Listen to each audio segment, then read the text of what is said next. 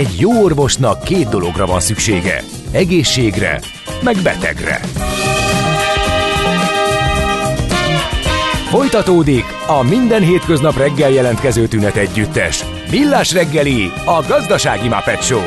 Mindennapi orvosság sorvadás ellen. Kérdezze meg orvosát, gyógyszerészét. A Millás reggeli főtámogatója a Schiller Flotta Kft.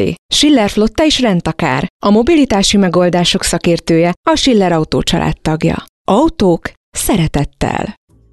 Szép jó reggelt kívánunk minden kedves hallgatónak, megy tovább a Millás reggeli. Itt a Rádió Café 98.0, március 27 hétfő reggel 8 óra 10 perckor.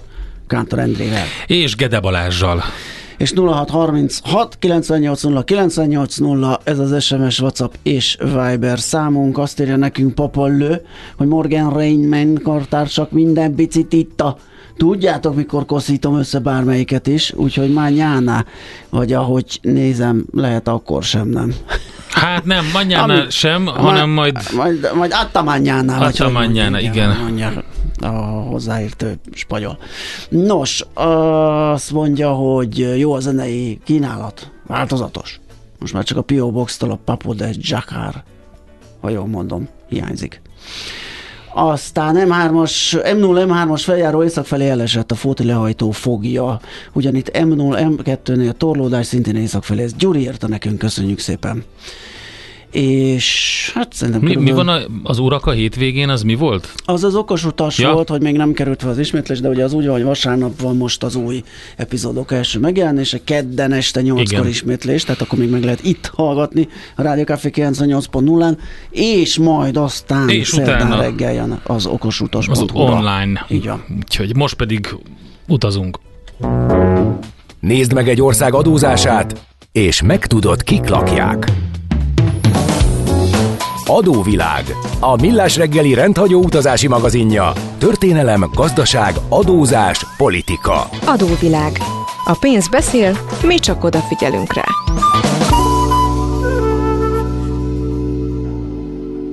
Na, és adóvilág rovatunkban a legnagyobb vasérc kitermelő országokat vesszük sorra. Brazíliába utazunk most ezen a héten. Gerendi Zoltán, a BDO Magyarország ügyvezetője, adótanácsadó partnere a vonalban. Szervusz, jó reggelt! Sziasztok, jó, jó reggelt! reggelt. Hát itt van ez a kisebb, kisebb falat ország. Igen. Így van, hát a, ez, ez abszolút a világ egyébként ötödik legnagyobb országáról beszélünk. 8,5 millió négyzetkilométerre, tehát Oroszország 17, 17 millió a legnagyobb, aztán Kanada 9,9, Kína 9,6, USA 9,5 és 8,5 Brazília, tehát azért Ez ilyen 80-90-szer nagyobb, mint Magyarország, ezt próbáljuk valahogy elhelyezni. Így van, tehát 215 millióan lakják, és hát rengeteg legje van. Az első az, hogy ugye a világ legnagyobb kávétermelője, de ma nem is ez a fő apropó miatt keres, beszélünk A második világ második legnagyobb vasérc kitermelői. Egyébként azt mondják, hogy két, most a világ tizedik legnagyobb gazdasága, de 2050-re a negyedik legnagyobb lesz. Ez egyébként a BRIC tagokból fog állni akkor a e, e, nem is a brikekből, bocsánat, mert ugye e, rosszul mondtam, mert e, ebbe a, a Kína, USA, India és Brazília lesz a négy, tehát abban nincsen benne a Rasa. Tehát Igen. 2050 világ, világ e, e, legnagyobb régi között lesz. E, és ugye látjuk ötödik legnagyobb terület, tehát egy abszolút érdekes ország, illetve van egy olyan, vagy fogunk beszélni róla, a Niobium című e, ilyen ritka földszél, majdnem kizárólag csak náluk van, 98%-a a földön náluk van, tehát ilyen tényleg egy különleges, különleges ország. Az is érdekes, hogy a fővárosa korábban a Rio de Janeiroból, amelyik egy olyan 6,7 milliós város, az átkerült Brazíliába. Tehát a fővárosa Brazíliának Brazília. Bra- ja, Brazília amely... város, igen, azt hiszem úgy, igen. talán úgy van magyarul igen, helyesen. Ez egy közigazgatási, közigazgatási terület, tehát egy ilyen közigazgatási központ, úgy, úgy, úgy a történelem során nagy jelentősége nem volt. Azt is tudni kell, hogy földrajzilag tényleg hatalmas az ország, mert a partvidéke 7500 km, míg a földrajzi hosszúsága az 4500 km. Szóval azért ez egy nagyon-nagyon-nagyon komoly történet. Most ide először egyébként a portugálok érkeztek, de, de 1500-ban, de ennek az előzménye az volt, hogy 1494-ben egy Tordesillas egyezmény keretében megegyeztek, hogy a Képverdétől nyugatra, illetve a Kolumbusz által felfedezett szigetektől keletre résző, tehát a kettő közötti területre a portugálok megkaphatják. És így ebbe beleesett Brazíliának a, egy csücske, de hát akkor, amikor ezt felfedezték, még senki nem tudta, hogy mi van, a, mekkora kontinens ez, és így lett ez brazil terület, amit be is tartottak. A viták száma az idő, idővel csak később nőtt meg, de egy időben közös királysága is volt Portugálnak, közös király volt Portugáliának és Spanyolországnak, ezért igazából a spanyolokat nem nagyon érdekelte, hogy a portugálok messze túlépték ezt a, a határvonalat, és így gyakorlatilag hát ezt a területet szépen, e, szépen meghódították. E, ezt úgy kell elképzelni, hogy akkoriban ilyen 15 e, tehát ilyen szélességi fok szerint ilyen 15 területre osztották föl, és ezeket, ezek, és, és így, így, így művelték, vagy így, így működtették ezt a, ezt a gyarmatot. Ez a gyarmat egyébként elsődlegesen cukornád, tehát cukornádat termelt, azt hiszem, hogy az első a... dolog, amire elmentek oda, ez a brazil fa volt, amiről kapta is a nevét a, az ország. Igen. Onnan lényegében azt kezdték először szállítani, és akkor utána jött a cukornád. Így van. A cukornád az viszont már a rabszolgakereskedelemnek volt egy ilyen nagyon erős kiinduló, vagy ilyen, ilyen, ilyen hogy ilyen, hajtóereje, közel 4 millió rabszolga került be akkor az országba, tehát gyakorlatilag nem őslakosok, a feketék nem voltak akkor őslakosok, és így így, így kerültek át ők ide. A cukornád az majdnem gyakorlatilag az 1800-as évekig működött, és aztán hát ugye akkoriban már azért más is elindult, tehát állattartás és így tovább. 1690-ben egy aranylás tört ki, amikor viszonylag könnyen találtak aranyat, és ez, hát ez, annak a korszaknak, ezt látjuk egész Ausztráliáig bezárólag, ez mindig egy izgalmas hívószó volt, és uh, elég, sok, uh, elég sokan uh, újból betelepültek ide. Tehát gyakorlatilag még a, a, a portugál jarmaz időszakban is folyamatos volt ide a betelepülés, és ez, ez a portugál időszak ez 1822-ig tartott. Akkor megszűnt, és önálló lett Brazília. Ez a mai napig így van, tehát elég változatos volt a történelme, tehát abban én most nem mennék bele, mert itt a, volt olyan, hogy még a portugál királyság is Brazíliába helyezte át a székhelyét, amikor a napoleoni háborúk voltak. De a lényeg az annyi, hogy nagyon-nagyon változatos történelme van, de 1822 óta tartja a függetlenségét, és hát gyakorlatilag ilyen szempontból katonai rezsimek, minden volt itt, amit el tudunk képzelni. Tehát ez egy nagyon izgalmas terület. A gazdagsága a területéből eredően óriási, tehát azt látjuk, hogy a, folyókról nem beszélve, tehát látjuk ugye az Amazon, Amazonasnak a, a, a vízgyűjtő területéről beszélünk, ez a magáról a folyóról, esőerdőkről, fával, tehát amiről beszéltél, ez abszolút mai napig valóság. Az Amazon egyébként a Föld első számú, tehát leghosszabb folyója, az is itt van. A vasérc, ami ma a hívó szó volt, az gyakorlatilag csak 1967-ben indult el rendesen, de akkor viszont nagyon, és az amerikaiak találták ezt meg. Először US-tel indította, de ma már egyébként a, az, az, az ArcelorMittal a, a, a döntő a döntő titermelője, vagy acélgyártója. A világban a második legnagyobb kitermelők, de a tizedik legnagyobb acéliparuk van, tehát ez fontos. Tehát azért ők exportálnak elég rendesen nyersanyagot is, meg, meg, meg acélt is. Most az exportjukban egyébként csak közel 10%-os az acél, a olajiparuk is elég jelentős, tehát a tengeri szakaszon, ez ugye a Petrobras és így tovább, ennek aztán rengeteg politikai vonása is volt, szójában nagyon-nagyon erősek, tehát a mezőgazdaságon nagyon-nagyon erős. A kávé az csak 2% az exportnak, de van itt minden, amit el tudunk képzelni. Tehát nehézipartól kezdve egy nagyon-nagyon összetett gazdaság a, a brazil gazdaság, és hogy az aranyláz nem maradjon el, még a, a, az exportjuknak még ma is egy százalék, a egy százalék a, a, az arany.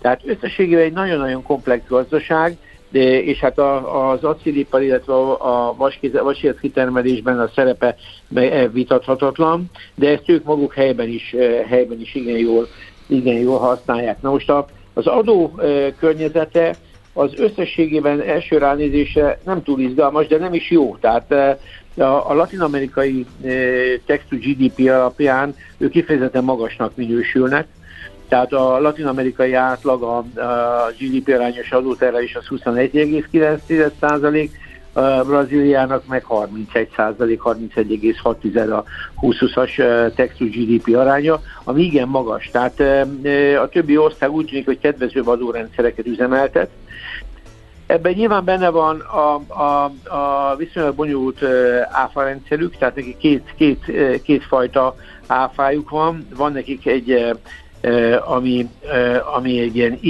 IPI-nek hívják, ami állami szintű, és hát gyakorlatilag 300%-ig fölmegy. Ez inkább egy ilyen vámfogyasztási adó jellegű adónak tűnik, és van egy ICMS nevű, ami inkább az áruk mozgásához és az áruk szolgáltatások értékesítéséhez kapcsolódik, ami pedig 17% körül mozog, de államonként változik. Tehát azért ez egy igen komoly elemzést igényel, tehát ezt nem is értem, hogy miért így csinálták, de ez egy, ez egy, ez egy komoly tétel.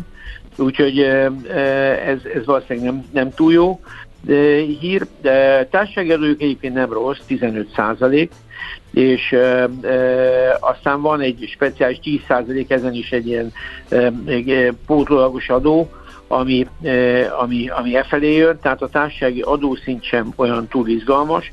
Az SZIA-juk az meg progresszív, de 0-tól 27,5 százalékig megy föl.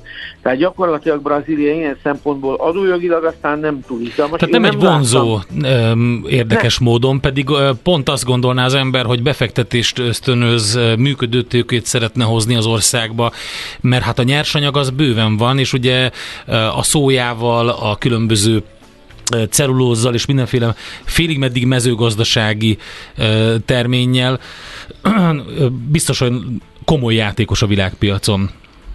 Hát nem véletlenül várják őket a negyedik helyre, uh-huh. tehát a, a, ők, ők Latin Amerikában nagyon meghatározóak, tehát az ő déli szomszédjuk Argentina messze nem esélyes, azt láttuk, hogy Chile, Peru, Bolívia, az ő ezekben az ásványi kincsekben, de azok inkább sok inkább részvonalon voltak erősek, azért azok se veszélyeztetik ezt a pozíciót, ez egy, ez egy óriási terület. Ha ránézzük a térképre, akkor Brazília gyakorlatilag Dél-Amerikának szerintem minimum a fele. Uh-huh. Tehát és egy, egy óriási kiterjedési terület, de szerintem óriási tartalékai is vannak. Én azt gondolom, hogy ez a fakitermelés, amit láttunk, meg minden, ami...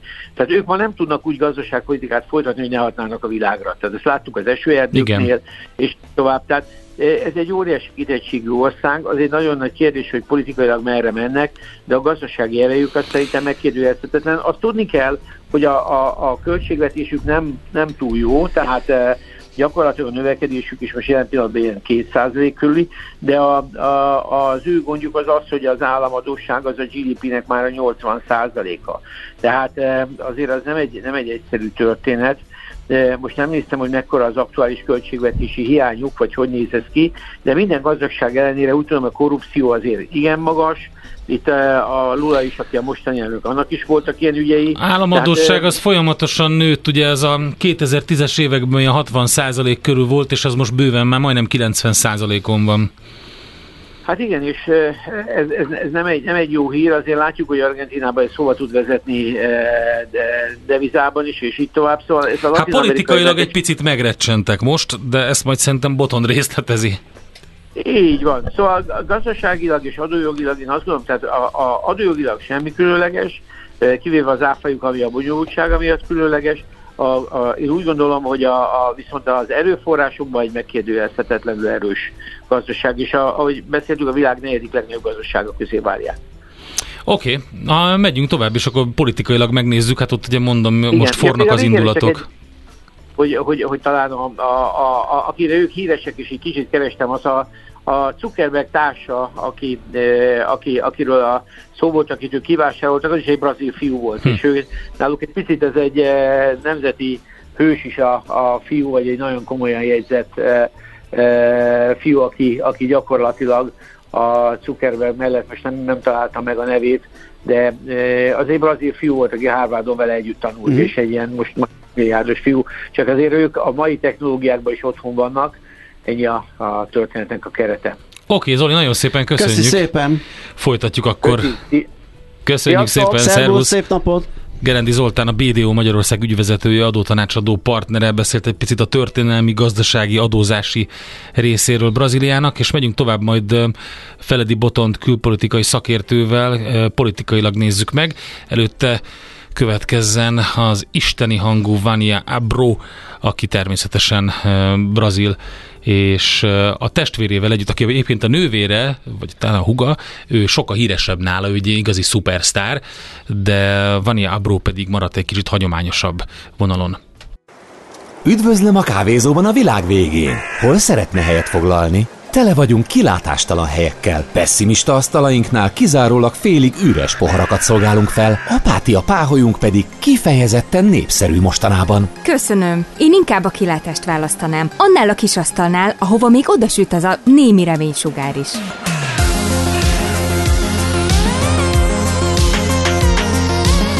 Kávézó a világ végén. A Rádiókafé útkereső magazinja minden hétfőn délután 4-től 6-ig Megmeneni Márkal és Robbal, akik megpróbálják kideríteni, mit kellene tenni, ha érdeklődés hiányában mégis inkább kihagynánk az apokalipszist. Már túl késő van ahhoz, hogy ne legyünk optimisták. Folytatódik az adóvilág. A Millás reggeli rendhagyó utazási magazinja. Nézd meg egy ország adózását, és megtudod, kik lakják. Adóvilág. A pénz beszél, mi csak odafigyelünk rá.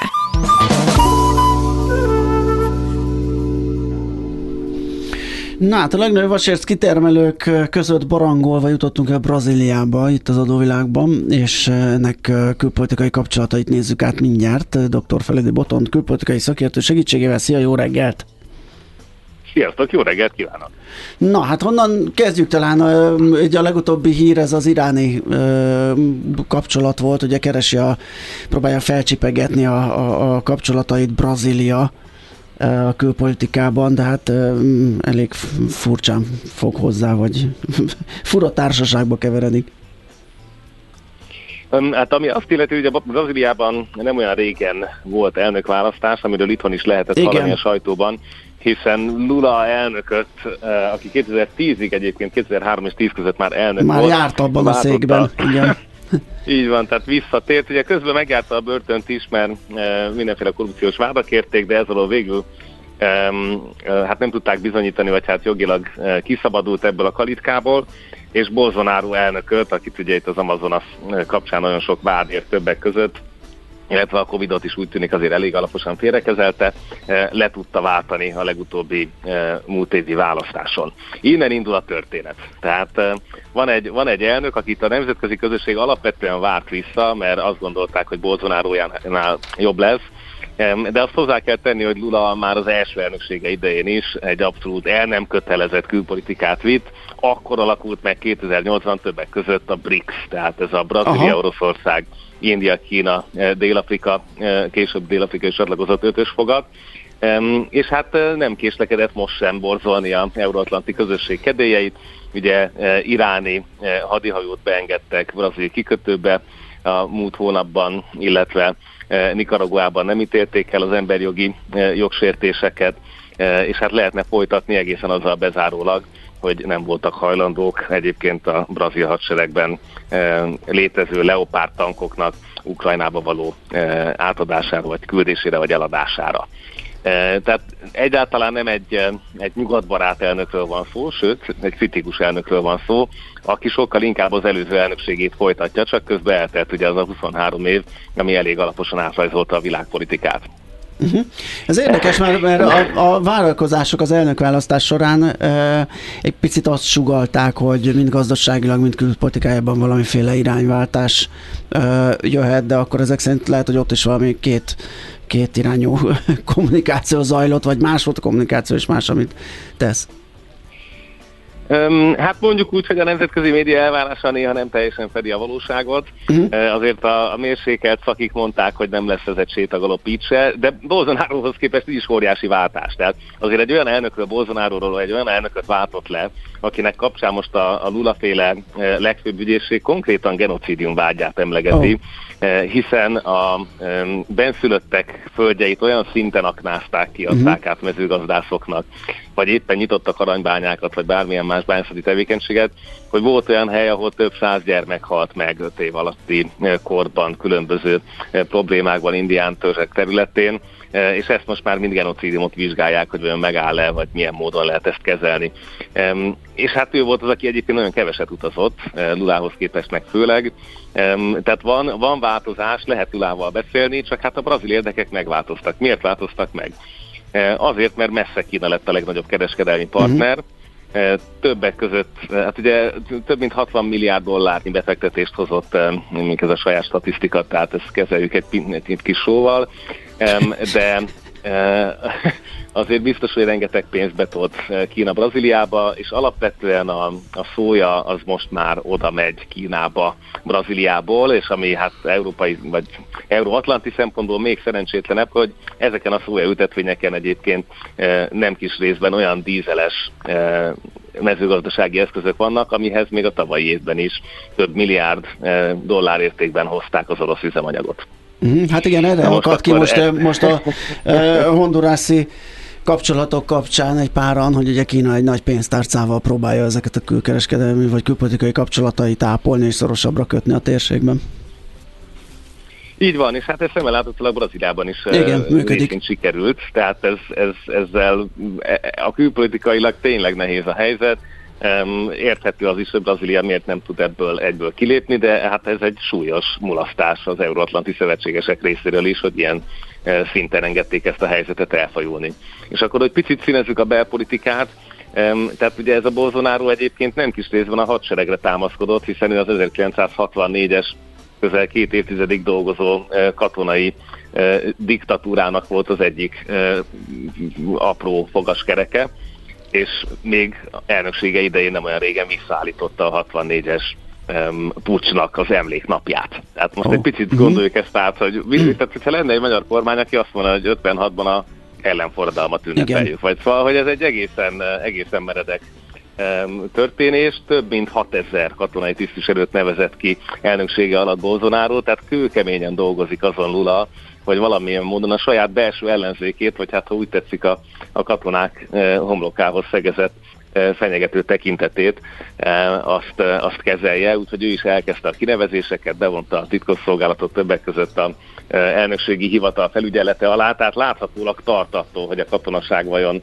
meddig lesz, meddig marad vele, Láttunk már egy akciót, amikor több ezer katonával egyébként egy indián területen az illegális bányászokat eltávolították, tehát látszik, hogy elindult az együttműködés, de ez egy abszolút törékeny belpolitikai helyzet. Ne felejtsük el, hogy több ezer tüntetőt tereltek közösségi média segítségével az utcára a Bolsonaro féle támogató csoportok, amikor Lula megnyerte az elnökválasztást és hát itt nem volt teljesen egyértelmű egy néhány pillanatig, hogy, hogy ebből mekkora lesz a társadalmi elégedetlenség. Tehát belpolitikailag ennyire törékeny a helyzet.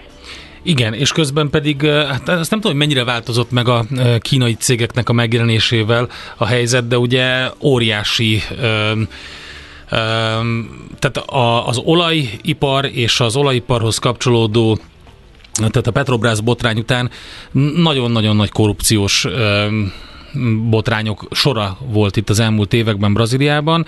Ezt gondolom megpróbálják mindig felszámolni, de hát egy, egy olyan dolog, ami olyan, mint egy, ez lehetetlen szerintem. Hát a, a Petrobras egy külön adást tarthatnánk. Oké, okay, akkor legközelebb. Ez a ez a kedvencem, az a Operation Carvos, tehát a, uh-huh, az igen. automosó művelet keretében igen. tárták föl itt ugye egy-egy apró részét, és ugye, ahogy itt Latin Amerika más országait más ásványkincsek kaptán néha emlegettük, ugye ez oda is átért, tehát ez nem egy Brazil, ez egy kontinens behálózó, brutálisan nagy hm. korrupciós botrány, aminek az egyik szereplője többek között a, a, a legnagyobb brazil olajkitermelő cég, de hát ez messze-messze tovább mutat, és évtizedekre visszamegy. Tehát, hogy, hát azért mondtam, hogy ilyen hidraszerű, tudod, hogy hiába vágják le az egyik fejét, és pontosan, tehát aki ott politikus, biztos, hogy valamilyen módon benne van érintett, és nagyon nehéz ebből, hát hogy is mondjam, tisztára mosódni. És Lula is ugye ebbe volt érintett, uh-huh. tehát ez, ez volt az eredeti problémája. Um, ugye ez a Odebrecht volt annak idején az egyik főszereplője, akit aztán 19 évre elítéltek, mint a Petrobras egyik vezető tisztségviselőjét. Um, és eddig, ha jól emlékszem, volt egy ilyen mutató, hogy több mint ezer évnyi börtönt már kiosztottak a Petrobras ügyben. De hát ez még mindig mondhatjuk azt hiszem, hogy ez még csak a kezdet. De az nem biztos, hogy lesz vége. Tehát ez, ez azt hiszem olyan, mint a polip sorozata a Igen. 90-es években. Hogy, Igen, az jó példa. Hát folytatni, folytatni mindig lehetne, és mindig lesz még egy szál, ahol ez a pénz még valahol csorog, és hát a mai napig teszi tönkre a, a demokratikus kísérletek egy részét a kontinensen is. Tehát, hogy ezt nem tudjuk kellően megbecsülni ennek a jelentőségét. Oké, okay, akkor majd innen folytatjuk valamikor. Boton, nagyon szépen köszönjük Köszi szépen. a gyors brazil kitekintőt. Minden jót, jó munkát. Szervusz. Dr. Feldi Botont külpolitikai szakértővel beszélgettünk az adóvilág második részében Brazíliáról. Adóvilág. A Millás reggeli rendhagyó utazási magazinja hangzott el, ahol az adózáson és gazdaságon keresztül mutatjuk be, milyen is egy ország vagy régió. Adóvilág. A pénz beszél, mi csak odafigyelünk rá.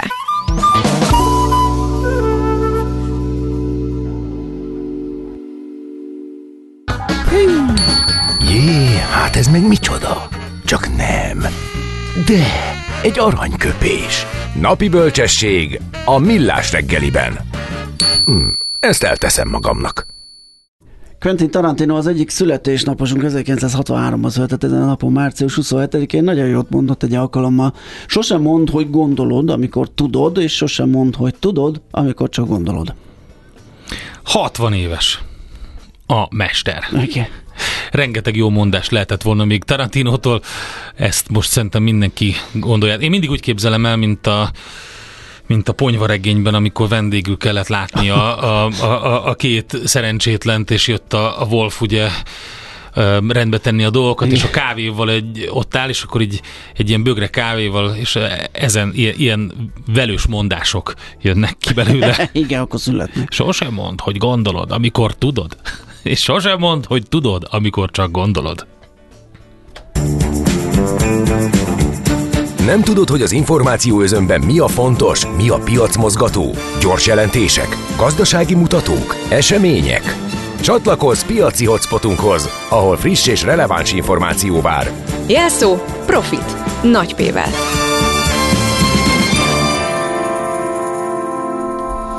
És itt van velünk a telefonvonal túlsó, igen, Szelőcei Sándor, az Erste befektetési ZRT vezető üzletkötője. Szia, jó reggelt! Sziasztok, szép jó reggelt! Na nézzük, hogy uh, hogyan állunk, mi történt itt az elmúlt időszakban, és mire kell készülni most itt a közeljövőben, milyen infóid vannak?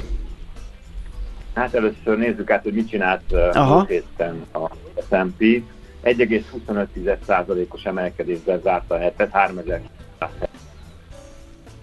a NASDAQ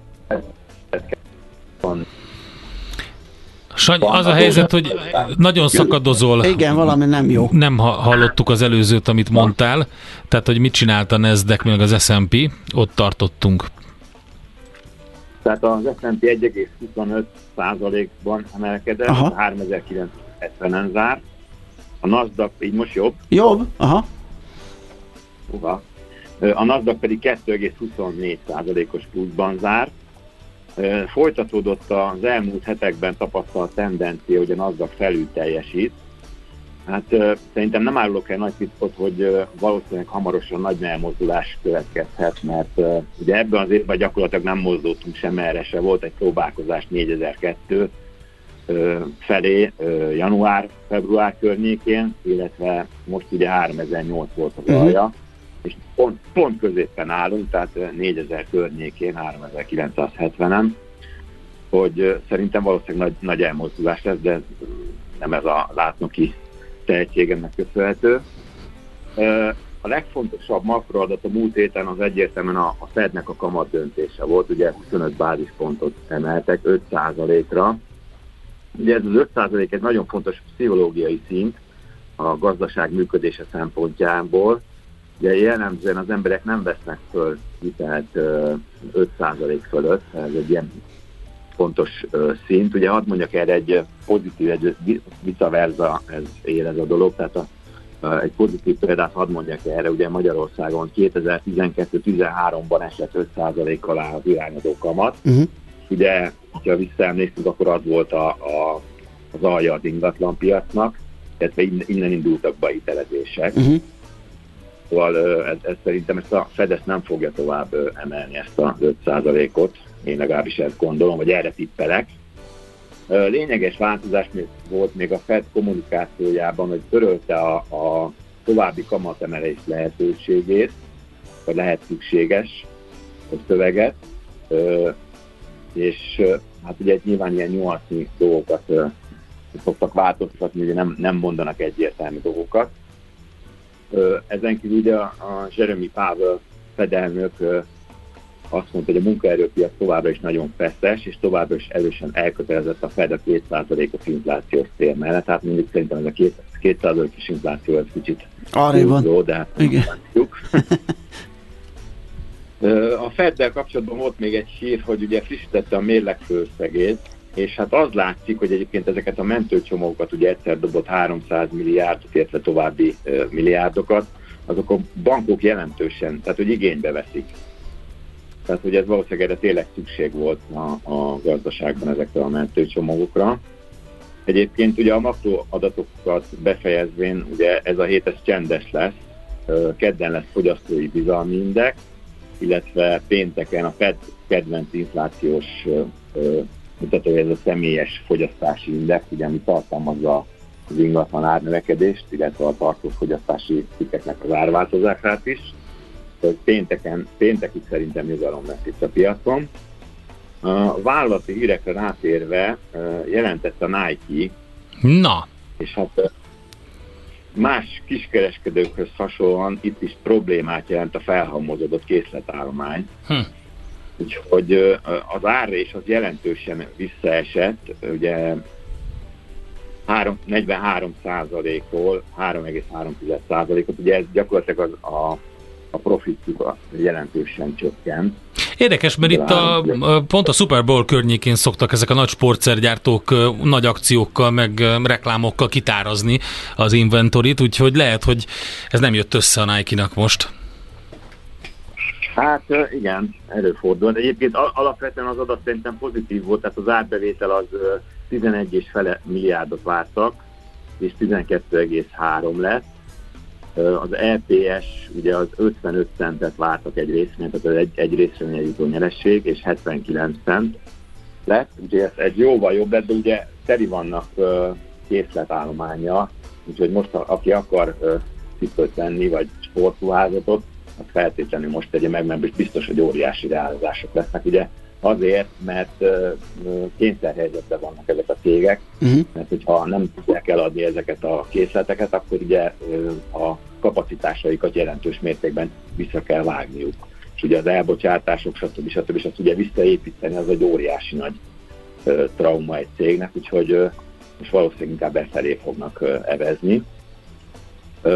Még egy fontos sír, hogy a, az AMD Nvidia-val kapcsolatban Ugye azt beszéltük, hogy relatív erőt mutatott a technológiai szektor, ugye az elmúlt hetekben ez volt a, a irányadó, és az Nvidia áttervezte a fejlett AI megoldásokat használt csipjeit, hogy azoknak lehessen kínai exportra készülő szankciómentes verziója, és megkezdte ezek értékesítését a nagy kínai szolgáltatók felé. Tehát az Nvidia az azonnal reagált erre az export tilalomra, és egyből ugye tudta a kapacitásait is növelni.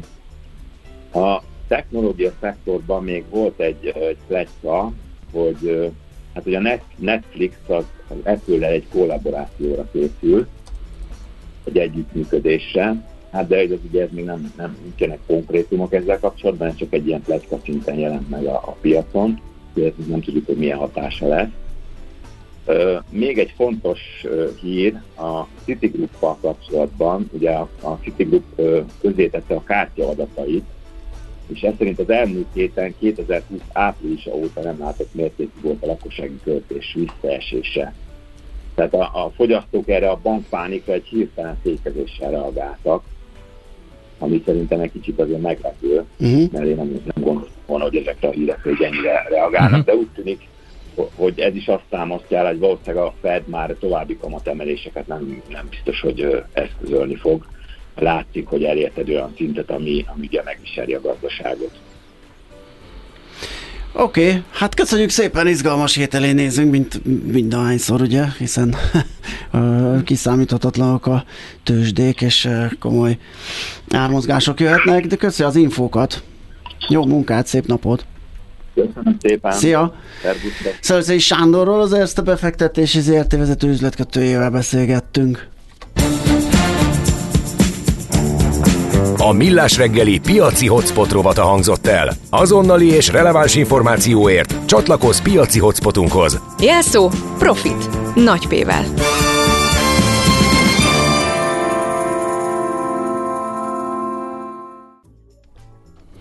Na nézzük, mit írtak a kedves hallgatók Messengeren, illetve a 0636 98 098 0 Hát az egyik az még korábban jött, csak nem találtam, vagy nem volt időm beolvasni, de hát figyelj, aranyköpés, gyanús. Amelyik cápa eszik a kezedből, az eszik a lábadból is.